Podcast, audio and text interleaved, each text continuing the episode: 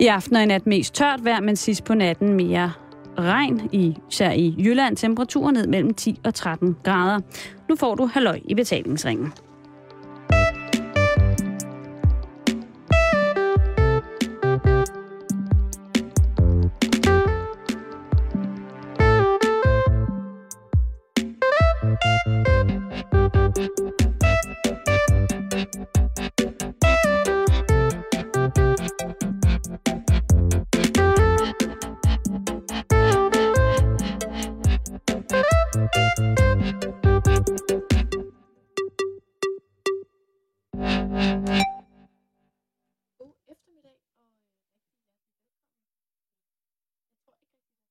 Mikrofon. Kan du høre noget som helst nu, Simon? Det er godt. Jeg kan høre alt muligt. Vi prøver bare igen. Ja, men det øh, skal ikke ligge dig til Hvad er det heller ikke? Det er bare teknik, Karen. Så vi tager den bare lige forfra. Okay. God eftermiddag og rigtig hjertelig velkommen til dig, der har valgt at lytte til Halløj i betalingsringen her på Radio 24 Hvad enten det er i bilen på vej hjem fra job, i køkkenet derhjemme eller i ørerne som podcast. Var det ikke en fin introduktion, jeg havde forberedt til i dag, Simon? Det, det, det, var, det var meget sådan... Øh, det var lidt... Det var sådan også... Jeg kunne forestille mig, hvis, hvis vores radioprogram var en pjæse, der lå på Bibelen, så var det det, der, så, så var det det, der havde stået allerforrest i, øh, i pjæsen. Ja, okay. Det kan jeg godt se. Informativt, korrekt, indbydende, åbenarmet, mm. og ikke mindst en lille bit smule informerende om, hvad mennesket, der modtager din besked, foretager sig, eller hvilket medie personen har valgt at afvikle vores program fra. Det Bare var hvis man selv var i tvivl om det. godt. Ja, men det var altså dagens introduktion. og det er jo blevet øh, den anden dag i ugen. Det er tirsdag. Og det kan jo kun betyde én ting her i vores lille lydunivers, nemlig at det er tid til Karendag. Dagen, hvor det er mig, Karen Stroop, der bestemmer alt. Ja. Så øh, Hvad kan jeg sige? jamen, ikke så meget. Og hvis Skal jeg vil, repetere reglerne? Skal jeg repetere reglerne? Ja. Jeg skal række hånden op, hvis jeg vil sige noget. er Se, det... nu er vi så langt inde i det. Nu har vi, nu har vi, altså, der er snart, vi har snart lavet Karndag et halvt år. Mm, Og første gang nogensinde repeterer jeg reglerne, og jeg har repeteret den korrekt. mm, jeg er meget stolt af dig lige nu. Jeg har faktisk også lyst til at give mig selv en anden form for beløb. Og det sjove er, at der er et eller andet, der siger mig, at jeg måske ikke øh, nødvendigvis kommer til at høre så meget fra dig i dag. Det, det tror jeg, at du har helt ret i. Det sagde du i hvert fald i går, Ja. ja. da jeg fortalte dig, hvad Karendag skulle handle om i dag. Lige indtil at vi selvfølgelig, at du, øh, du gav mig jo lektier for i går, Mm. øh, hvilket jo har gjort, at jeg har skulle snakke med folk, som har kendt mig øh, hele mit liv. Mm. Og også i dag har du sat mig til at gøre noget, som jeg meget, meget sjældent gør. Og det er At læse mandeblade og et dameblad. og dameblade. Eller et, et mande-dame-modemagasin, Det er kan det, man jeg, sige. det er det, jeg, at det, nu igen, jeg aner ikke, hvad Jamen, jeg er kalder det. helt, du, du er fortabt. Ja, det er, jeg vil jo kalde det lektyr. Modelektyre. Ja, eller konfektionslektyr. Karendag, det handler nemlig i dag om mode. Hvad er det for noget? Ja, det Kan vi bruge det til noget? Er der noget om det gode gamle ordsprog, at klæder skaber folk? Mhm. Øhm, hvad kan ens ungdomsidoler sige om stilen som voksen? Mm. Det er noget af det, vi skal snakke om i dag. Og øh, som du måske har regnet ud, kære lytter, så er det altså ikke kun øh, fashionistdagen Simon Jul og jeg, der skal diskutere det her i Hvad dag. kaldte du mig? Fashionista, En fashionista? What the... Undskyld mig. eller fashionisto. Er det... Jeg ved ikke, om, om man kan være fashionista som mand, hvilket køn det er. Ej, som du nok øh, fornemmer, driller jeg dig lidt. Det fornemmer- håber jeg, du kan Karen, tage. At- du har mig jo så... Du har mig på dybt vand i det her emne. Men jeg, jeg, jeg, jeg stoler på, at... Prøv, øh, ved du hvad, Simon? Jeg har sådan lidt på fornemmelsen, at når det her program er overstået, så har jeg fundet ud af noget om dig, og det er, at jeg tror, der er nogle områder, hvor du rent faktisk går mere op i mode end mig. Det er der 100 procent. Det har jeg lidt på fornemmelsen. Og det skal vi finde ud af i dag. Og det skal vi i samarbejde med dagens gæst, som er dig, Chris Pedersen. Rigtig hjertelig velkommen til programmet. Tak skal du have. Øhm, du er øh, redaktionschef på øh, modemagasinet Cover. Ja. Og kan du ikke lige starte med at forklare, hvad du laver sådan til daglig. Øh, Jo, jamen, øh, redaktionschef, det er jo at sætte artikler i gang, få idéer til artikler, øh, redigere dem, når de kommer ind, og så sørge for, at produktionen ligesom bliver overholdt inde på bladet. Øh, og så er vi jo et modemagasin, hvor vi er egentlig er ret få til ligesom at bestemme, hvad der skal i bladet. Mm. Så, øh, så, vi, ja, så, så vi skaber ligesom indholdet i sammen, altså i fællesskab deroppe. Øh, og så kan man sige, at min vej ind, derind har egentlig været, at jeg, jeg jo kommer, eller jeg har arbejdet meget med mode altid. Så det er naturligt for mig, at jeg sådan, øh, fokuserer ret meget på modeartiklerne op på bladet. Så udover at, øh, at jeg er redaktionschef, jamen, så skriver jeg også en del af vores tendenser, trendsartikler og designerinterviews og alle de ting, der ligesom arbejder med moden på, på cover. Og det var jo faktisk øh, tidligere i år, at øh, Cover udvidede familien med et mandeblad. Ja, det Cover det. Man. Ja. Men, men hvad for et blad? Er du mest på bladet til kvinder eller bladet til mænd? Jeg er på cover, øh, som er til kvinder, og så hjælper jeg lidt til på cover mænd, når der er behov for det. Mm. Øh, og snakker selvfølgelig med redaktionen der også. Vi er en lille familie, som hjælper hinanden meget. Og nu sidder du altså her i vores studie og skal øh, snakke med om Karen Dag om mode. Ja. Og jeg tænker, at vi lægger benhårdt ud med sammen måske at finde frem til, hvad er mode? Ja. Åh, Dejligt bredt spørgsmål. kæmpestort. Øh, man kan tage den, den praktiske del først. I Danmark er moden en ret stor industri. Jeg tror, det er vores femte eller fjerde største industri efterhånden. Vi har en del store modevirksomheder.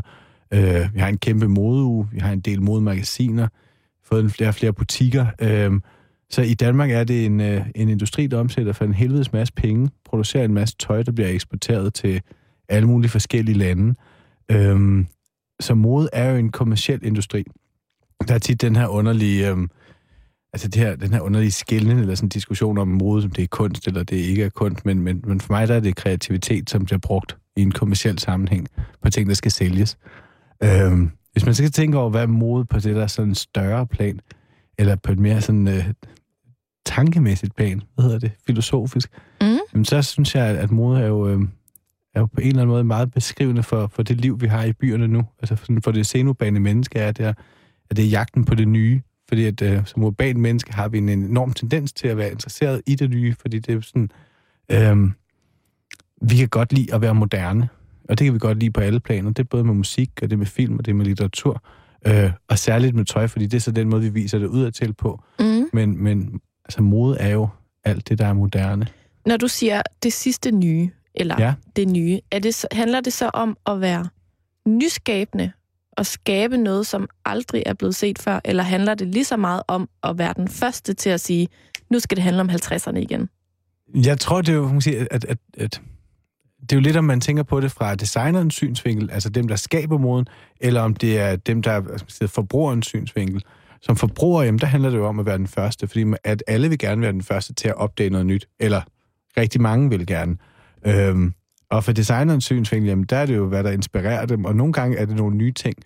Nogle gange er det et helt nyt formsprog, andre gange er det noget, hvor man er gået tilbage i tiden, og det har vi blandt andet set her de sidste par år med øh, Mad med inspiration, for eksempel, eller nu der er det, hedder den Downtown Abbey, den Mhm. britiske mm. serie, som jo også er inspireret blandt andet Louis Vuitton og Marc Jacobs kollektionen her i, i vintertingene. Ej, det bliver min mor glad for at høre, fordi det er en serie, hun er glad for. Jamen, så skal du sige til mor, at du købe sådan nogle lange broderede kjoler og nogle store hatte, altså sådan nogle viktorianske jakker med lidt høj krave. Og det kan hun få nede i Louis Vuitton-butikken i øjeblikket. Det er simpelthen det, man skal iføre sig. Ja, og så alle de her materialer, sådan noget silke og velour og, og tyk uld og cashmere og med en masse applikationer på. Men i hvert fald så ser man det her med, at der er nogle designer, der ligesom går tilbage i tiden, og så er der nogen, der er meget fokuseret på, hvad, altså hvad, hvad sker der, øh, hvad er det nye tøj, vi skal på. Der er jo også folk, der arbejder lidt med, at hvad passer til vores livsstil. Levi's for eksempel, de har lige lavet en ny kollektion i San Francisco, hvor de var ude og rejse rundt i Europa, og så opdagede, altså de som tog, blandt andet var i København, hvor de fandt ud af det her med, at vi cykler helt vildt meget i Danmark. Mhm. Mm. Øhm, og vi i mange europæiske storbyer begyndte at cykle meget. Så tog de den inspiration med tilbage til San Francisco, fordi de der arbejdede de også rigtig meget med at få cyklet ind i byrummet, og så lavede et par jeans, der passede til at cykle. Blandt andet sat lidt mere, sådan, altså lidt mere stretch i nogle forskellige steder, og skar tingene lidt til, fordi de sådan, at, at, at de tænker meget i det her med, hvordan at, øh, at tøj skal øh, reflektere de nye bevægelsesmønstre, vi har i storbyerne lige nu. Mm. Um, og så er der jo andre, som så netop har det der med, at, at, at tøj for dem er mere nostalgisk, eller Blade Runner-agtigt, eller mere sådan inspirationsagtigt, men, men folk, eller designerne arbejder på alle mulige forskellige måder, som reflekterer forskellige måder at, at være nytænkende på. Lidt senere i programmet, så skal vi snakke om Simon og jeg. Fordi mm-hmm. at du har jo givet os lektier for. Ja. Du har bedt os om at tænke over, hvem vi ligesom så op til, da vi var sådan 16, 17, 18 år. Ja. Og øh, det vender vi tilbage til lidt senere. Og det er også noget, det Simon var inde på lige før, at vi har, altså, vi har virkelig snakket meget om Mm. mm. mode og inspiration, og hvad har vi på, og hvem inspirerede os og sådan noget. Vi har vel nærmest, Simon, været på sådan en, en personlig rejse tilbage i tiden. Jamen altså, det blev altså, Altså, det jo lidt til. Det, det- det var... Øh, det, det var... Jeg ved ikke, om det er fordi, at, at jeg har levet et specielt anderledes liv end mange andre, jeg, men jeg tror bare, det er ret fedt, at når man... Altså, den, øh, øh, tænke tilbage på den der udviklingsting, fordi hvis man, da jeg begyndte at netpække lidt i den, øh, i min egen alder, der hedder, du ved, 17, 15, 16, 17 der, du ved, ikke? Der, Let pikke lidt. Ja, lidt i den, hvor jeg tænkte, hvad, hvad lavede man egentlig der? Fordi man tænker helt... Nå, Man, øh, at jeg synes, man, man, man så har en tendens til at, at bare... Jamen, det er de gode gamle dage-agtigt nogle gange, ikke? Men mindre man selvfølgelig har været udsat for noget, som var ganske, ganske forfærdeligt og skældsættende for, hvordan man ellers eksisterer som menneske i verden. øh, Mhm. Så har jeg det sådan, at... at Jamen, da jeg begyndte ligesom at grave, grave hvad fanden skete der lige der, ikke? Det var, ret, det var ret sjovt, så det glæder jeg mig til at komme tilbage til senere. Det vender vi nemlig tilbage til lidt senere, fordi at først bliver jeg simpelthen nødt til at spørge dig, Chris. Hvad er hot, hot, hot mode lige nu? Åh, oh, jamen det, er- det er jo svært, fordi der er, det, der er sket de sidste par år, det er, at vi har rigtig mange forskellige hotte ting, men jeg synes, at det der, altså hvis man skal beskrive noget sådan, som virkelig har været øh, sådan, hvis man skal kigge tilbage på de her år og sige, det der, det er det, der har været det allerstærkeste, så er det alle farverne. For hvis man tænker på sådan dansk mode gennem de sidste øh, 10 år, så kan man kun tænke sort-hvid. At der var sådan en del år, nærmest alle 90'erne, der gik vi i sort-hvidt tøj, og at op igennem nullerne handlede alt om den her minimalisme. Og hvis du nu tager en cykel, eller bare går en tur op ad strøget, og så ser på folk på gaden, mm-hmm. og også ser det, der er i butikkerne, jamen så har vi de her sådan ekstreme farveholdninger, både til kvinder og til mænd. Så jeg vil faktisk sige sådan, at farver, alt det her med øh, rød og blå, og mixe forskellige nuancer af samme farver, og de her sådan, altså det her med, at du pludselig kan få en uldfrakke i koboldblå, eller i knaldende rød, og at altså alle sneakers er farverige, og du kan få briller, der er farverige. Det er sådan det, der egentlig har været øh, det mest udslagsgivende på, på dansk mode, eller sådan international mode de sidste mange år Mm. og som så sjovt nok forsvinder fuldstændig til næste sommer, men det kan vi komme ind på senere. Men det er virkelig sådan ret, altså det er virkelig nu den piker, den her farvetendens. Mm. Så det er det allerhotteste. Har du sådan et øh, umiddelbart modetip, hvis nu man tænker, det er tirsdag, jeg kan lige nå ud og købe mig et lille fashion item. Hvad, hvad skal man sådan investere i? Er der nogle bestemte farver, eller øh, nogle bestemte materialer, man sådan skal satse på det her efterår? Altså jeg tænker jo, til kvinder, der er der, der, der er et eller andet med kashmir, som altid er perfekt til kvinder, fordi den her sådan bløde ting er ret smuk. Men en, øh, sådan en, en helt pink kashmir sweater, eller et par pink, pink uldne bukser, bare til en hvid skjorte og et par sorte sko, det ville være et virkelig fint køb. Og så kunne man godt, det kunne godt blive båret fint ind i, i efteråret. Så lyser man godt op i gade, gadebilledet.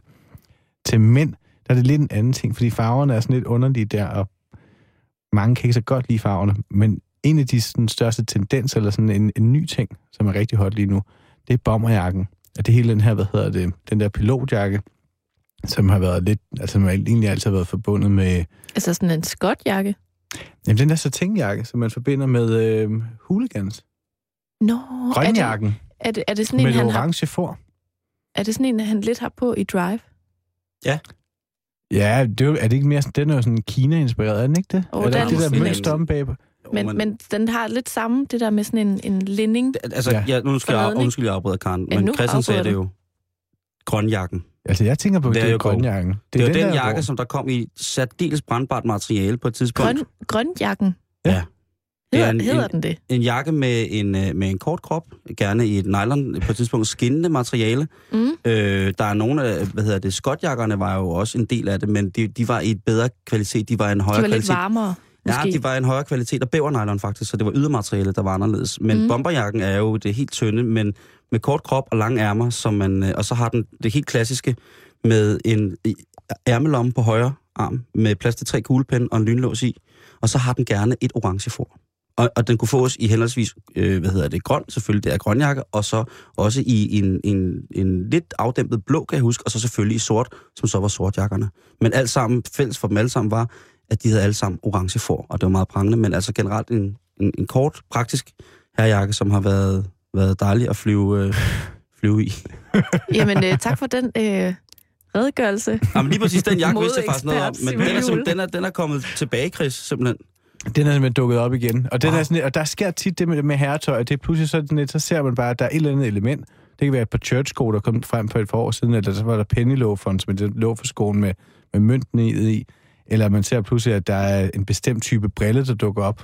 Men for herremoden, der er det tit sådan et enkelt element, som bare pludselig, hvor man kan se, gud, det er den, man skal holde øje med, og det er den, der kommer til at rykke igennem til næste år, eller sådan Mm. mm. inden for en måned eller to. Og der tror jeg på den jakke. Men er det så sådan noget med, at så har alle de moderne drenge den på? Er det ikke lidt kedeligt? Jo, men jeg tror, mænd er mere flokdyr. Vi kan godt lide at være lidt trygge. Og så er det altså også sådan, at selvom jeg arbejder med mode, så synes jeg, at øh, vi mænd er egentlig ofte lidt pænere, hvis vi holder os væk fra mode, mode, og så lader det gå over til bierne, og så vi holder os mere til sådan lidt mere klassiske ting. Så det der for mænd, der er, sådan lidt, der er det lidt sjovere det med at dykke ned i historien, og så finde nogle forskellige elementer, og så hele tiden sætte dem sammen på en ny måde. Men der er sådan ligesom nogle øh, ikoner inden for herremoden, som bliver ved med at dukke op igen. Og der sker sjældent noget sådan rigtig, rigtig nyt med herretøjet, hvor med kvinder er lidt lettere at sådan skære ud. At tage sådan en fjerdragt på lige pludselig, og en høj hat eller et eller andet, og så Hvis de er, hvis man har lyst til det. det er umiddelbart det billede, der falder mig ind. Det ved jeg ikke, om det nogensinde har været på At jeg har mode. taget en fjerdragt på. Nej, nej. Nej, det, er- det er dig. Sådan, hvis du tænker, at du lige skulle skære ud, så er det jeg det. Så er det en sjov her. Så skulle jeg låne Simons øh, påfulde kostume. og så ellers afsted til gallapremiere. Det er det hotteste hipster-pis. Har du sådan et kostume? Jeg har nogle stykker, lad mig sige det. Jeg har, øh, hvor, jeg, hvor jeg ligesom valgte at frasige mig moden og følge dit råd. Øh, har jeg, jeg har altid fulgt Chris' råd med at lade damerne tage mode, så også fyrer vi. Nej, øh, men øh, udklædning har altid været en stor del af, af, jeres, af mig. Og, det, og alle de mærkelige ting, jeg nu engang har gået og lavet. Så det der med at skabe en, bare et mærkeligt kostume har altid været fantastisk. Mm. Så jeg har mange virkelig utrære kostymer, som jeg er meget, meget glad for, og som Ej, jeg vil jeg gerne se dem. Ja, det er der mange, der gerne vil, men det er... Øh, det kan hvem ved, Chris. det kan sgu da godt være. Altså, hvis I holder en temafest, vil jeg gerne med. Det skal du være velkommen til. Chris, jeg tænkte på, er der, sådan, er der noget, du selv ligesom har, øh, hvad skal man sige, valgt ud lige for tiden, som du selv synes er fedt inden for sådan tendenser lige nu? Åh, oh, altså hvis man kigger på mit tøj i dag, Du er meget neutral. og det er faktisk næsten altid, men det, men det er meget specifikke ting, jeg er på. Ja. Altså min jeans, det, er- det er 101'er fra Lee, øhm, som jeg køber et par af hvert år. Og så tager jeg lige mærket af om bagpå, det store, for det kan jeg godt lide, at der ikke rigtig er nogen synlige logoer på dem. Okay? Øhm, og så passer de nemlig perfekt til øh, mine nye Prime Boots, som er sådan et par bikerstøvler, Hold da som jeg fast, ja. aldrig faktisk, altså jeg har aldrig kunne finde ud af at gå med dem før, og så lige pludselig fandt jeg det her par, og kunne virkelig godt lide dem. Og de passer sådan perfekt, at når man putter dem, eller bukserne udenpå, Ja. så får man sådan et tyndt ben, der bliver sådan et, et rør nedover. Og det kan jeg godt lide, at det får sådan lidt et tegneserie-agtigt snit. Så det er faktisk sådan en, en særlig silhuet, du går efter? Ja, Måske mere, end hvad det er for en støvle, du har på? Nej, og så kan jeg... Jo, det er måske sådan, det er en silhuet, ja. Så, så den vogn, du er hoppet med på lige nu, det er tynd tegneseriefigur silhuet. Ja, Kan man sige det sådan? Jo, og så har jeg altid haft sådan en meget, hvad hedder det, jeg kan godt lide sådan 50'er tøj. Jeg kan godt lide det der med, at det er ting, man øh, ville kunne se i en ungdomsfilm fra 50'erne. Mm. Øh, så min næste store køb, det er så en akne læderjakke, en bikerjakke, helt tyk, Læder med den sådan ikoniske krave og sølvknapperne på og det røde for. Det er den, jeg går og spørger op til lige nu. Alle de her tendenser, altså er, er, kommer de et bestemt sted fra? Eller sådan, hvor, hvem bestemmer overhovedet, hvad der sådan er, er hot? Jamen, det er jo lidt forskelligt, fordi der er nogle designer, der arbejder meget sådan øh, uafhængigt af andre. En designer som Henrik Vibsgaard for eksempel her i Danmark har jo et meget sit eget formsprog, som egentlig ikke følger andre formsprog som sådan, men bliver sådan sin eget look. Men hvis man kigger på mange af de andre, så også store modehuse, så er det altså sådan, at øh, de faktisk følger mange af trendbureauerne. Der er nogle bureauer i Paris, som ligesom lever af at lave, øh, altså at forudsige, hvad er det for nogle farver, der kommer til at dominere i år, til næste år, til næste år igen. Og det er så de farver, som både møbelindustrien, som øh, bilindustrien, som øh, cykelindustrien, og så tekstilbranchen ligesom tager op. Sådan at alle farver, der ligesom, når du kigger ud i gadebilledet, og så tænker over, hvis man ligesom prøver at gå ud i en storby, og gå ind i en møbelforretning, gå ud og kigge på bilerne, gå ud og kigge på sådan alle ting, så vil man kunne se, at, at, at, at farverne også hele tiden arbejder sig igennem. Så man sætter sig ned nu og sådan lidt tænker sådan, at hvis du prøver at den, lave et tankeeksperiment med pasteller, tænk over sådan sorbetfarverne. Mm-hmm. Alt det her med lyserød og lyseblå og pistachegrøn og alle de her ting, det er farver, som vi slet ikke havde inde i, inde i mindsetet for 5-6 år siden. Og nu er det blevet en del af sådan uh, Flygers nye uh, maling, hvad er det, malingkollektion. Mm-hmm. Så de farver, som du maler på væggene nu, hvor det er før, for fem år siden, der malede vi kun hvide væg. Nu er vi begyndt at tage de lyseblå og de lyserøde og de lysegule væg. De kopper, vi køber, altså sådan alt muligt, altså porcelæn eller cykler. Så det følger faktisk så meget af de her trendbureauer, som sidder og arbejder med det her hele tiden. Men udover det, så er det jo selvfølgelig også, øh, også bare designer, som bliver inspireret af, af noget, der sker i tiden lige nu. Men de skal jo ud ligesom at finde farverne og tekstiler nogle steder fra, og det sker altså lang tid før det ender på gaden.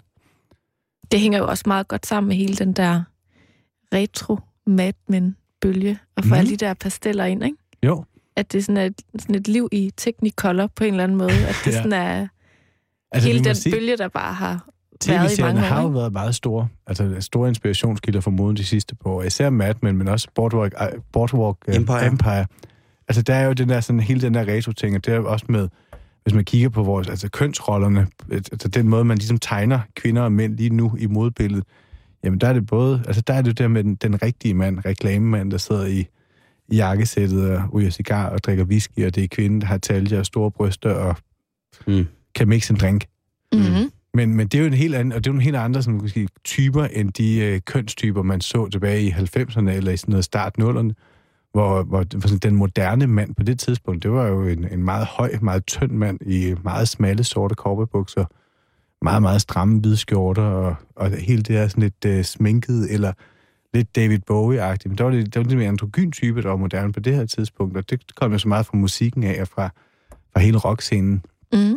Så, så det er ligesom hele tiden nogle nye miljøer, eller nogle nye steder, man finder de her typer, altså arbejde ud fra. Øhm, og det er jo også derfor, at, at, at der er sådan nogle designere, der ligesom er populære i en periode, så ryger de lidt ud, og så kommer der en anden designer ind, fordi det er sådan hele tiden, at der er ligesom nogen, der er gode til at fange en bestemt zeitgeist, og, og når de så ikke kan det med, så ryger de lidt tilbage, og så er det en anden, der kommer frem. Fordi at, at designerne kan jo forskellige ting. Nu skal vi snart til det med de lektier, du gav os for. Men mm. inden vi skal snakke om, hvem der ligesom betød noget for Simon og jeg, da vi var unge, så synes jeg, det kunne være sjovt, hvis du på en eller anden måde kan øh, fortælle, øh, hvordan du ser Simon og mig. Altså hvis vi ligesom skal tilbage i tiden og ligesom at finde ud af, øh, hvem der har inspireret os til den stil, vi har i dag. Eller i hvert fald lagt kimen til vores grundstil, hvis man kan sige det sådan. Hvordan, hvordan vil du så sådan definere den stil, vi kører i dag? Oh, jeg, altså, jeg tror, jeg har svært ved at sætte nogle navn, altså sådan mennesker på.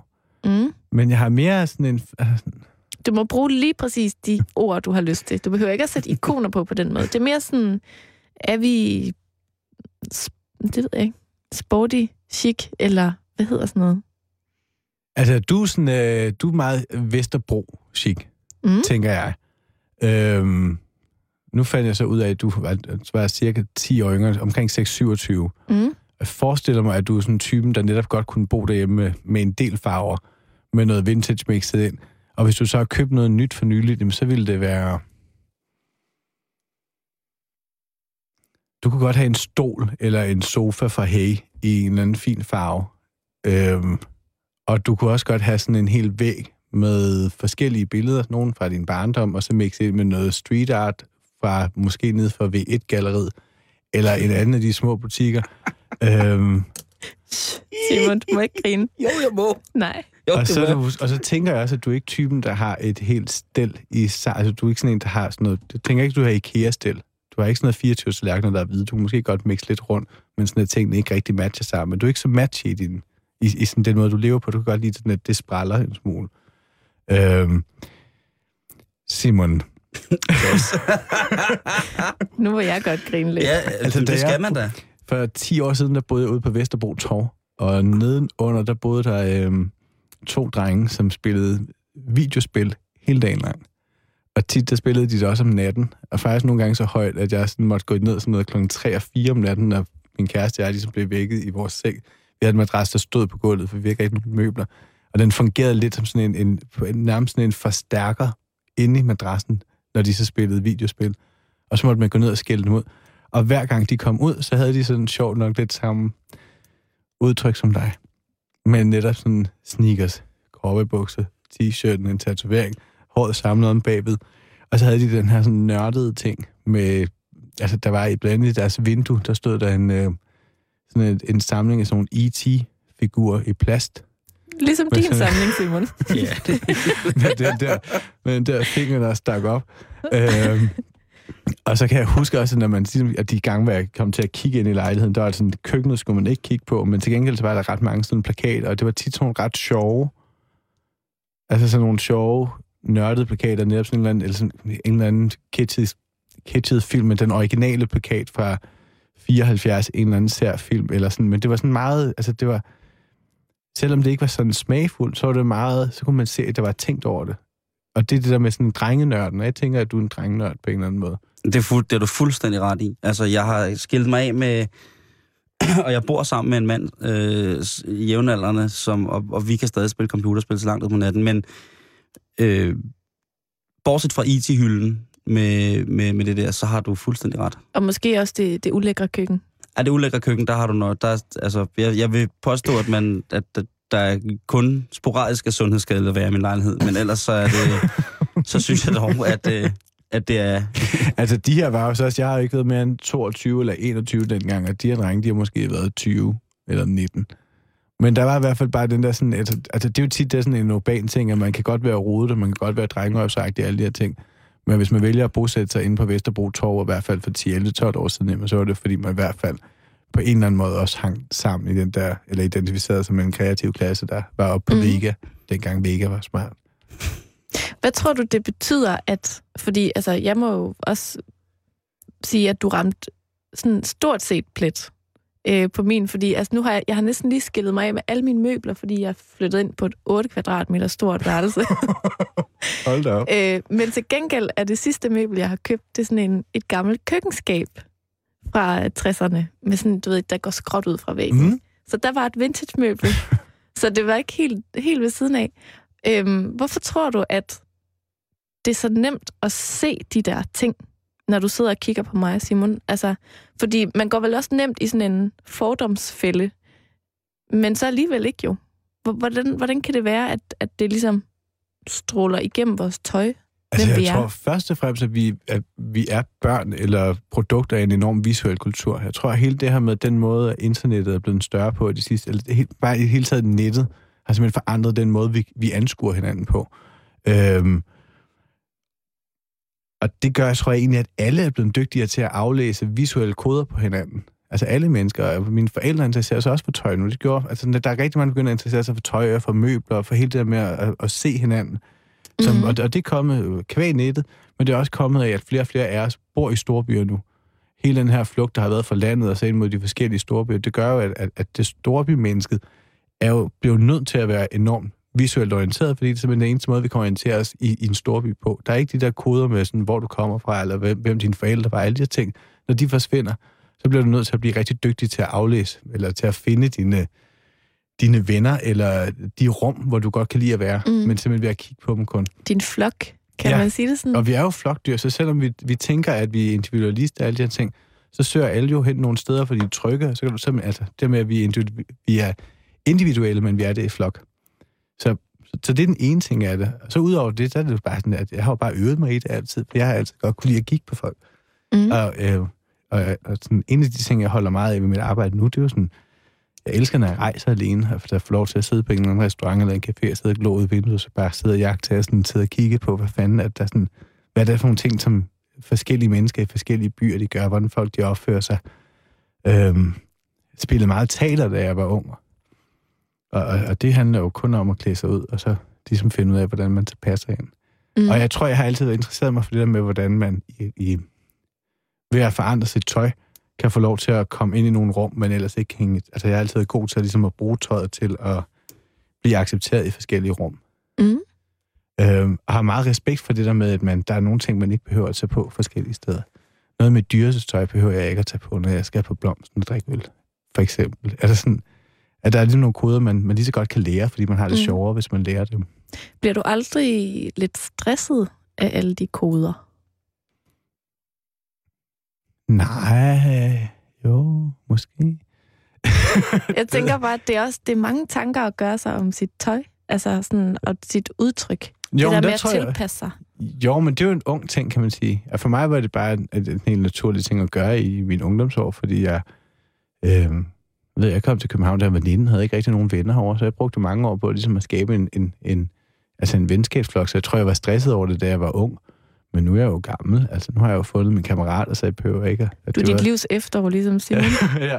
Det er snart slut. Men det er jo også derfor, jeg, altså jeg tror også, det er derfor, jeg nu sidder i en hvid t-shirt og et par korvetbukser og føler mig godt tilpas. Altså for 10 år siden, der havde jeg måske siddet med, med sort negle og en rød fartstrip hen over hovedet og noget neonfarvet og lidt guld, og så de der Nike Air i sølv. Altså, Jeg er meget havde skuffet over, at du ikke ser sådan ud i dag. Altså, det kan jeg slet ikke lide er gæst. Men Chris, du gav os jo lektier for. Og jeg Mhm. tænker, at det vil måske lige være fint at forklare, hvad det var, du bad mig og Simon om. Ja. At tænke over til i dag. Jamen, det var fordi, at der er jo modeuge i Paris lige nu, og et af de shows, som jeg bemærkede, ikke som jeg er- vildest med, men som var ret sjovt, det var den franske designer Jean-Paul Gaultier, som har lavet en kollektion, der ligesom har taget fat i, øh, i 80'ernes musikikoner. Øh, så han rekreerede faktisk så er det nærmest en til en looks fra David Bowie, fra Madonna, fra øh, Michael Jackson. Øh, og det synes jeg bare var sjovt, det her med, at altså, hvorfor er det, det er de her ting? Øhm, og i moden, der siger man altid, at, at man lærer, hvad der er chic, når man er ung, og på en eller anden måde, så bliver man ved med at vende tilbage til det, når man bliver ældre. Så den idé, man får som ung om, hvad der ser godt ud, og hvad der ser godt ud på en, det bliver på en eller anden måde ved med at forfølge en. Øhm, og jeg ved ikke, om det er rigtigt, men jeg kan i hvert fald godt genkende det her med, at når man er ung, så leder man jo enormt meget efter forbilleder. Det er både, i, altså det er både intellektuelt, hvordan man skal opføre sig, hvad for nogle ting, man skal læse, hvad man skal opleve. Men, men det er jo også visuelt, at, at man, man ser nogle ting, eller en film, som bliver ved med at inspirere en, eller man går til en koncert, og forsangeren ser fantastisk ud på en eller anden fed måde. Øhm, og, og når man er ung, så identificerer sig med meget kraftigt. Det er også der, man altid er, er de vildeste fandyrker. Det er jo, når man er teenager. Så jeg kan godt se, at, det, at så stærke oplevelser som unge, tror jeg egentlig gør, at vi, vi for evigt bliver ved med at bære den her begejstring fra 15, 16, 17 års alderen. Jeg tror, at den bliver ved med at på en eller anden måde være i os. Mm. Og så synes jeg jo, det er en sjov øvelse. Hvad er det så for... Altså, hvis, hvis det er rigtigt, Mm. hvad er det så for nogle idoler, I har haft? Og øhm, det skal jeg ellers lige love for, at vi har tænkt over siden i går. Og øh, jeg synes egentlig, vi skal starte med dig, Simon. Ja.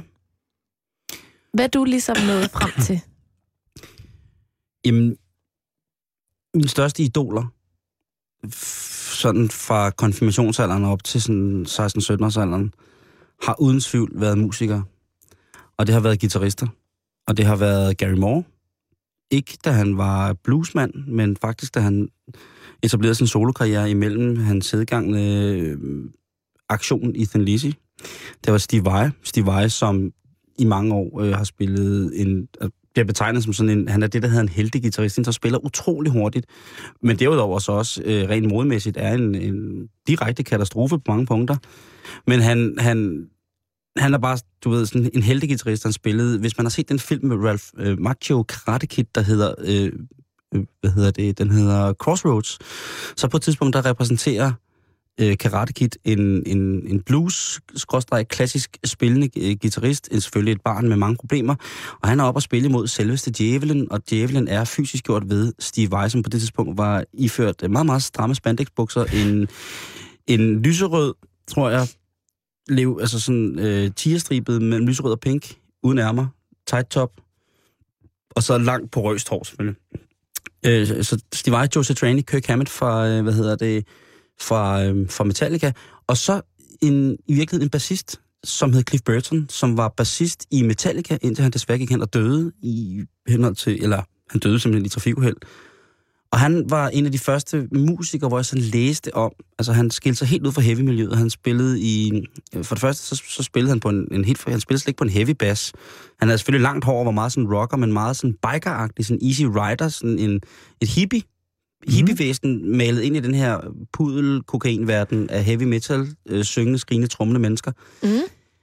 Og der begyndte jeg ligesom at læse om, at han havde en filosofi i henhold til hans spil. Det er jo mange musikere, der havde, men han var ligesom den første, jeg faldt over, der havde det. Så han blev et kæmpe, kæmpe, kæmpe stort idol øhm, for mig. Så det har, det har virkelig været øh, hovedsageligt kun rockgitarrister, der har været lige præcis de aller, aller største forbilleder der, og så forfattere.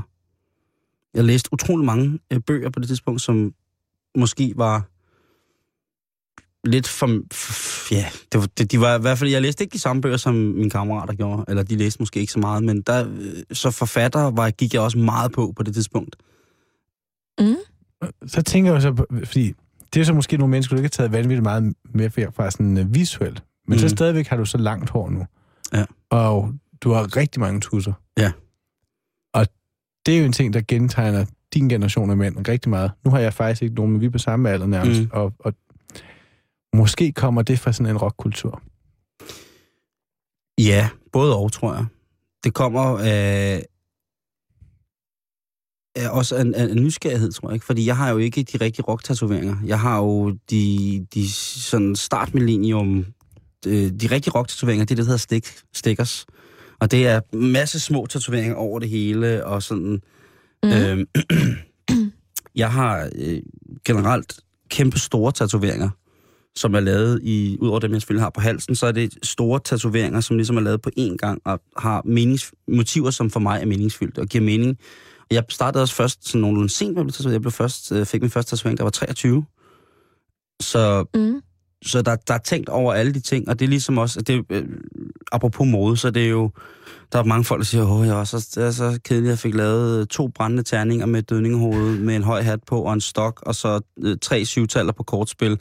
Og for tre år siden er det er bare slet ikke modrigtigt nu. Nej, det er det ikke, Kevin, men det er din egen lille harddisk. Det er sådan, øh, når man får sådan tatoveringer, så bliver kroppen sådan en harddisk, og så kan man altid relatere det til et eller andet, man kan huske på. Og så, så synes jeg, det er, det er rigtig fint. Der er, og der er ikke nogen tatoveringer, jeg fortryder, men jeg, når folk sådan ligesom siger det, så siger de sådan, ja, det er måske også rigtigt. Det var måske heller ikke min stolteste tid. Men det er meget interessant, det du siger, at det er kendetegnende for, no offense, men i, på jeres alder at have Helt tatoveringer. Ja, mm. altså, for, altså, også for en del kvinder, men, men det er i hvert fald ret kendetegnende, der ligger, altså hele den her tatoveringskultur er jo ret ekstrem nu, mm-hmm. øh, og er meget fokuseret på mænd omkring de her 30, 40, måske lidt ældre end 40 også, men, men jeg synes i hvert fald, at den er meget, faktisk i midt-30'erne ligger den altså virkelig intens for, for i hvert fald det kreative Københavner-segment, der boede på mm. Vesterbro. Jeg kunne ikke lade være at tænke over, Simon, at hele den der øh, rockgitarrist og sådan rock and roll ting matcher meget godt øh, dine t-shirts. Altså nu har du bare sådan en helt sort en på i dag, men det er jo tit, du har sådan nogle t-shirts på med en stor ørn, eller et eller andet heavy metal band, eller ja. sådan lidt rebelsk, måske. Kan man kalde Simons stil en lille smule rebelsk? Det synes jeg nok. Hvorfor? Jo, men jeg, jamen, jeg tænker det. Lidt jo. baggy pants og sneaks, og så en t-shirt med noget jo, og noget rock på. og, nu, Nogle huller. og nu har du også sat håret op i sådan en lille fin knold om bagpå. Åh, oh, Gud. Nå, det synes jeg er meget sjovt, altså hvis det måske i virkeligheden afspejler. Men hvis det endelig skulle en... komme, at jeg blev lidt bevidst, så, må det, så er det fint, at det kommer her ved, ved, ved 35 års alderen, ikke? Altså, mm. men, men det, jeg vil sige det på den måde, det, det er ikke overlagt. Nej, men det, det er der jo heller ikke nogen, der siger, det er. Altså, det er jo det, der er interessant i virkeligheden, ikke? At, at det måske er en ubevidst Jamen, jeg tror, ting. Jeg har gået man... ørne-t-shirts, siden jeg var teenager. Jamen, præcis. Og heavy metal t-shirts, siden jeg var teenager. Mm. Det er jo det, der er hele øh, pointen ved det her. Så jeg har jo faktisk ikke rykket mig en skid. Nej. Der er nogle ting, som vi, vi simpelthen ikke... Øh, det er en, altså, Udover min lille cowboybukser, jeg havde i gymnasiet, så er det stort set det samme tøj, jeg har. Øh, altså samme, samme stil på den der måde, mm. Mm. med at jeg ikke har... Altså, det, det er totalt i stampe, men også øh, bare øh, rent tøjmæssigt. Øh, jeg blev nødt til at konfrontere øh, nogle familiære relationer og spørge, hvad, hvad tøj og sådan noget. Så jeg fik tøjpenge, mm, og øh, der opstod der altså øh, den sorte garderobe. Og det var altså bare kun med at købe sort tøj, du. Der var, øh, det var fordi, det var også meget på det musik, jeg hørte, ikke? det er sådan Michael Strunge-perioden. Mm, ja, Strunge var så lidt før, men, men det kaldte hvad du vil. Det, Din det, min. Strunge. Det var nok min dansoralperiode. Dan Tyrell også. oh, Ja. er du sort negle? Øh, jamen, det var ikke neglelak. Det var bare personligt dårlig hygiejne. men, øh, Mums. men jeg havde, havde, havde jo langt hår, og, og jeg havde, du ved... Dog, altså, det sjove er, når vi nu har været i det her mode noget de her par dage, at i dag, da jeg gik op på arbejde, så gik jeg fra Indre By København, og så ud øh, herud på, på, på kontoret, og der gik jeg sådan set forbi et, en butik, som solgte Dr. Martens støvler. Mm. Og så tænkte jeg, for jeg har, har altså utrolig mange, øh, eller utrolig mange år, hvor jeg kun havde et par Dr. Martens støvler, og det var det. De blev senere skiftet ud til et par Buffaloes, men øh, Det synes jeg jo er så sjovt, at Ja. du har haft et par Buffalo-støvler. de købte i London af militære farver, og slet ikke de sorte. Men det var stadig Buffaloes, jeg kan ikke løbe fra det. Det var Hvorfor? dejligt. Det var Hvor så fint. høje var de? Det var sådan den almindelige standard sål, ikke? Men med mine 1 meter, 10, så er det jo rart lige at blive løftet de, de der 5-6 cm op til Dizzy Miss Lise-koncerten på Gimle. Hold da kæft. Yes, men, men der, der tænkte jeg faktisk lige præcis på, at ville det være upassende for mig, Chris, at købe et par helt, helt regulars, helt almindelige Dr. Martens støvler, sådan lidt høje, og så gå i dem. Det synes jeg. Jeg er meget vild med Dr. Martens. Jeg har faktisk lige købt et par 10 hullers med røde snørebånd, den sorte. Og jeg Yes. gik rigtig meget med dem, da jeg gik i gymnasiet. Og lige pludselig så kiggede jeg bare på den, og så tænkte jeg, da jeg var i London. Og sådan, den er sgu pæn. Er det, er er det lidt en pæn. klassiker? Ja, det tror jeg også, det er en af de der sådan, ting, man kan... Altså, den bliver ved med at komme tilbage, uden at have forandret sig. Og det, mm. jeg Mhm. tror, det er det tøj, jeg godt kan lide. Det er de der, det er de der ikoner, som bare dukker op igen, og, og, og det er den samme. Altså fjeldreven, rygsækken for eksempel. Den havde jo også lige pludselig en storhedstid for et par år siden her i Danmark, Mm. hvor man så den overalt. Og det er jo det der med, at, at mode kan også nogle gange bare være at, at genfinde nogle virkelig gode ting, der fungerer, eller fungerede på et tidspunkt, så fungerer de nok igen. Jeg har jo også tænkt lidt over, hvad der ligesom fyldte meget i min bevidsthed, da jeg var de der 15, 16, 17 år. Og øh, det sjove er, at lige præcis der, der skifter jeg skole. Øh, fordi jeg voksede op ude på Mols, på landet, hvor at, altså, jamen jeg ved ikke, altså vi lavede teater, og, og spillede violin, og gik til håndbold og fodbold, og altså var på den måde, tror jeg, altså vi havde ligesom også bare to tv-kanaler. Altså jeg tror, jeg har været meget forskånet på en eller anden måde for sådan en popkultur. Som jeg fortalte Simon, havde jeg. Karen har været med i en sekt, Chris. Nej, men jeg havde en øh, tango-kat-plakat hængende i måske lige lovlig lang tid på mit værelse og sådan nogle ting. Øhm, så havde jeg en storebror. sekt. sekt. Så har jeg en storebror, der sørgede for ligesom at sige, du skal høre det her musik, og du skal høre det her musik. Og det var sådan set fint nok. Så sker der det i midten af 8. klasse, at jeg flytter til Aarhus. Ind til Storbyen og starter på Fjordsgade skole, som er hiphop skole. Så jeg lander lige midt ned i sådan et øh, skater-graffiti-miljø, og øh, hopper totalt med på bølgen, ikke? Og, og, øh, og, og elsker det. Så, så jeg er sådan, på en eller anden måde er jeg øh, utrolig stilforvirret lige der, fordi jeg går fra øh, vidderligt ikke at have gået særlig meget op i det, stort set aldrig har haft make på, til at øh, øh, tage til hip-hop jams og i byen og fester og fart på og derudad inde Så du i storbyen. sådan en Aarhus Fly Girl. Øh, jeg, jeg, jeg bliver i hvert fald... Øh... Virkelig godt udtryk, der med Aarhus Fly Girl. Der var faktisk, jeg havde faktisk et, et øgenavn, som var Hip Hop Karen. Eller Karen med garnet, fordi jeg havde meget langt krøllet hår. Hvad havde du på et tøj? Jamen, det er jo det, at der havde jeg jo først og fremmest øh, skatersko som pige. Og der var jeg meget bevidst om, hvad det var for nogle mærker. Så det var America-sko, mm-hmm. og så var det Etnis. Ja. Og så havde jeg også et par øh, Converse, men løbesko. Mm. Ja. Altså ikke de Åh, flade, dem der, men dem de der, der. ja. Og så havde jeg øh, Katastrofe. indimellem øh, en lidt stram jeans på. Jeg havde sågar et par, hvor jeg selv havde klippet linningen af, så de var meget lavtalede. Og, eller også så kunne jeg også godt finde på at have sådan et par, ikke meget baggy, ikke sådan noget Freeman T-Porter baggy, det var før det, øh, hvor jeg arvede et par af min veninde, men, men, men sådan mere sådan et par lommebukser, måske sådan armygrøn, lidt baggy, og så en top eller en t-shirt, og så altid store øreringe. Sådan nogle hoops. Wow.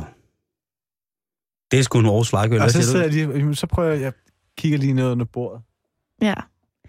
Øhm, Og så kan jeg jo så se nu, at du sidder over for mig nu. Du har ikke nogen hoop-øring på, desværre. nej, det har jeg ikke. Jeg har faktisk et par op i min taske, for at det ikke skal være løgn. Som du går med nogle gange. Nå, men det sjove er, at jeg er sådan lidt vokset fra dem. Jeg kan ikke rigtig få dem på længere. Men og jeg bliver ved holder- med at købe dem. Er du blevet for fed til øreringen? ja. Din øreflipper, det, det, det går mærkeligt. helt galt. Men det er sjovt, jeg bliver ved med at købe dem, når jeg for eksempel er i Hensom Maurits, men det er meget lang tid siden, jeg har haft et par på. Og så kom jeg nemlig til at tænke over, sådan, at sådan, jeg tror faktisk, det, der sådan har inspireret mig mest i forhold til sådan ikon, ideal, øh, sådan forbilledmæssigt, Mm. det er i virkeligheden min kusine, Sille, som er 10 år ældre end mig, og som jeg har set sindssygt meget op til hele mit liv, og stadig gør det på mange måder. Og hun boede i København, og havde sådan, havde sådan lidt et, et fuck de voksne univers. Øh, på den måde, at hvad skal man sige, at det gerne måtte være med farver, at det gerne måtte være en lille smule infantil. Altså, det er jo for eksempel hende, der har lært mig at kigge efter smykker i H&M's børneafdeling. Altså det vi- der med plastik, og det der med, øh, sådan, at ting godt må være sådan lidt med noget humor. Og, øh, og jeg har nemlig, jamen, som man nok kan høre, så har jeg tænkt meget over det her siden i går. Og jeg har sådan tænkt over, at det er meget sjældent, du ser mig i sådan fint tøj. Fordi så føler jeg mig sådan lidt klædt ud. Ja, Så jeg- det er sjovt, at du sidder jo også lige nu i et par farvede sneakers, et par New Balance, tror jeg det er, ikke? Mm. Og så sidder du i en lille grå, som jeg desværre ikke tror, du har købt i en børneafdeling. Nej, den er købt i, hold nu fast, Paris. Men i en lille grå jersey sweater med en kæmpe stor sløjf på, som jo netop er meget cute. Mm. Og som er prikket. Jeg er en polkeprikket med lyserøde prikker. Det er den Karen, uh, sweatshirt, Karen havde på første gang, hun tog jobsamtale hos mig. Og det var bare, yay! Men det sjove er, at, at altså, man kan jo simpelthen sikkert analysere det her i timevis, men en ting, som opstår i den periode, som jeg har holdt fast i siden, det er farven lyserød. Mm. Hvor Simon måske har sort, så er øh, Nej, Er der opstår måske- noget andet i den periode for mig. Kaki. Nej, interessen for sneaks. Jamen, nu, Oh, nu ja. snakker jeg lige om farver. Altså Jo. det der med, at, at, at der havde du meget sort tøj, der kommer der faktisk for første gang i mit liv sådan rigtigt sådan en lyserød ting ind. Og den har ligesom holdt fast. Jeg har en forkærlighed for ting, der har en lyserød detalje. Og det kan jeg ikke slippe. Jamen, Og det er sjovt, jeg tror, jeg tror, alle på en eller anden måde har de der ting, som de hele tiden sådan kigger på. Mm. Altså, jeg har altid sådan et... Hvis jeg, jeg har selvfølgelig haft sådan nogle farverige perioder og sådan noget, men jeg tror, at en af sådan, de ikoner, jeg har som altid, det, det er det der øh, kraftværk pladecoveret Mm. øh, med en røde baggrund og, øh, og, og mændene i, I de- i sort jakkesæt og hvide skjorter Nå, og det der. slips. Ja. Og det er ligesom på en eller anden måde, så forsøger jeg altid, hvis jeg skal være rigtig chic og rekreere det. Det kan jeg altså ikke, for jeg kan ikke særlig godt de her jakkesæt på, men så har jeg, sådan, har jeg har sådan noget 10 hvide skjorter. Præcis den Mhm. samme nede fra Mads Nørgaard. De hænger altid lige kommet fra rensen, at jeg kan tage en og tage på, hvis jeg ligesom skal eller andet. Men jeg kan godt lide det sådan at være, jeg kan godt lide sådan at være ren. Ja. Og det tror jeg for mig, det har altid godt, det er sådan ligesom, det er, altså det er det der pladecover, og det er ligesom de mænd, jeg sådan kiggede på på det tidspunkt, det var det der sådan meget, meget, meget clean og meget, meget sådan skarpe på en eller anden måde. Jeg fik en, øh, en gave af min storebror i forgårs, og det slog mig sådan i går, da jeg kiggede på den. Han har lige foræret mig en øh, lyserød køkkenkniv, fordi han kom til at tænke på mig, da han så den, ikke? At det, er sådan, det, det bliver lige pludselig sådan en farve, man får. Men, Det- men, men det, Det er sjovt. jeg tror, altså, jeg føler mig meget hurtigt overpyntet, hvis det er sådan, jeg kan sagtens se, at noget vil være pænt eller nydeligt, eller, men jeg tror altid, jeg har brug for sådan et eller andet getaway på en eller anden måde, som så er et eller andet, der sådan bryder det der sådan meget pæne, meget chic, meget korrekte. Altså skal der være sådan et eller andet, sådan en, en børnetegning indover, eller et eller andet. Giver det mening, Mm. Simon? Nej. Nej, det gør det vel ikke. Men du nævnte lige nogle sneaks, fordi det snakkede vi nemlig også tidligere, at det er jo der, at du ved meget mere om mode Også end mig. mennesker, som er fede. Vi har ikke noget at gøre i modverden og i modbutikker, hvor man kan købe op til størrelse 34 i mandeskjorter. Vi har ikke noget at gøre der, for der bliver ikke lavet tøj til os. Så derfor så, hvis man gerne vil være modrigtig og ikke øh, kun gå i store så må man finde sig et, øh, et arnested ind i sig selv, som, hvor man ligesom kan slå, den, slå, slå gækken løs. Og øh, det sted på kroppen, som, som i, i mit tilfælde ikke blev svært overvægtig hurtigt i, i 10 år, det var mine fødder. Jeg er platfodet godt nok, men øh, derudover så øh, kunne jeg stort set faktisk få lov til at erhverve mig de samme sko som mine venner. Mm. Og som teenager, så bliver man selvfølgelig pissehammerende usikker, når man ikke kan følge moden, fordi man bare er for tyk og laver generelt alt muligt andet, indtil man får nogle venner, som siger, det gør ikke noget, vi, vi synes faktisk, du er ret okay alligevel. Og der begyndte jeg bare at skyde min kærlighed på sneaks, og det startede med et par forgængeren til øh, Nike Shox skoene, og det har været i 1992, tror jeg, hvor de havde en ny spændende serie Air Max i grå, gul og sort, øh, med en lille rød detalje omkring det øverste øh, hul hen over pløsen til snørbånd, og så ellers bare øh, fuld, fuld fart på farve. det var det første par sko, jeg købte, som kostede over 1000 kroner. Og der tænkte jeg, at det var virkelig, virkelig vildt. Og, og så fandt jeg ud af det der med, at gud, var det dog, f- at man kunne få glæden af at vaske sneaks i, sammen med sit vasketøj. Mm. Så de kom ud næsten nye, var fantastisk, men det var slet ikke lige så fantastisk, som de var helt nye og box fresh, altså lige ud af kassen. Mm-mm. Og så begyndte jeg bare at interessere mig for det, og så øh, også fordi, at jeg har altid arvet tøj, som ikke passede mig. I, så, så, som mode for mig har ligesom været det der med den sorte garderobe. Øh, heavy-musikerne, det tøj vil jeg også gå i, og det kan passe. Jeg kunne købe noget nede på overskudslader, som var størrelse ekstra large, eller to, eller tre gange, eller fire gange XL. Og det passede fint til mig. Og så kunne jeg købe nogle sko, som var virkelig, øh, virkelig lige mig. Og nogle sneaks, og begyndte at gå og shoppe det. Og det tog rigtig fat, da jeg var en 18, 18 år eller sådan noget, og, og begyndte at komme rigtig meget til Paris, og, og der var jo sneaks overalt. Og jamen, så tog det ene det andet, og så blev det sådan ligesom lidt en samlermani. Øhm, mm. Og så tænkte jeg, nu behøver jeg ikke samle på tegneserier mere, fordi nu er jeg 18, så nu kan jeg, og så begyndte jeg at samle på sko, og så tænkte jeg, nu skal jeg satse også samle på sko og tegneserier. Men, Ja men sneaks er, er, er, er, er, hvad kan man sige, det, det der, hvor min mode hænger i, dag, og det er det, som jeg kan koncentrere mig om, altså i, i, i mode, altså hvis man skal tale assets, så er det et ur, ikke? eller en cap. Øh, men, men netop fordi, at jeg aldrig har ligesom skulle have haft brug for at købe de der, den, den hvide skjort fra Mads Nørgaard, eller øh, en, en pink detalje fra et eller andet, eller du ved, den stramme Iceman, tror jeg, ikke? Med, med kinakraven, den, den så jeg bare heller ikke godt ud i. Så er der ingen, der gjorde. Du kunne da Så- godt købe noget med en lyserød detalje. Jeg har haft en øh, meget lysrød skjort, men jeg har altid haft, jeg har altid haft, ud over de sorte ting, så har jeg altid haft nogle ting, som var fuldstændig i, i nogle sindssyge farver. Mm. Øh, mm, ja, og det, det kan jeg godt lide. Altså sådan meget have sådan helt skrigende neon t-shirts på, jeg har haft mange, rigtig mange gange i stor størrelse, og så som du selv siger, ikke med, med, ør, med ørne på, men der var bare Mm. mm. ikke nogen, der gravede det på det tidspunkt. Øh, det var måske... Men altså, så, så mode for mig i dag, det er jo, det er jo tusind millioner milliarder forskellige ting, ikke? Øh, Og, det, og det er det vel også, eller hvad, Chris, lige her på falderæbet, inden vi skal slutte for i dag. Altså, At det er mange ting. at mode er vel også mange ting, og det er vel også, hvad man gør det til, eller hvad? Jo, det er jo mange ting, fordi det er jo sådan... Vi lever i en tid lige nu, hvor, hvor alt er mode, og hvis man virkelig kigger på, på, på hele kulturbilledet, så kan man jo se, at der pludselig er, altså lige i øjeblikket, eller Adele sidste år, hele den her 50'er type musik, der begynder at dukke op, eller minimalistisk litteratur, som pludselig overtager hele litteratursiden. Altså, jeg tror, at det er sådan, der er jo mode i, i alt, hvad vi foretager som moderne mennesker. Og det blev altså de sidste ord her på Karendag i dag. Tusind tak for besøget i dag, Chris. Det var så lidt. Det var hyggeligt. Og det var alt fra nu. Vi lyttes ved igen i morgen, fordi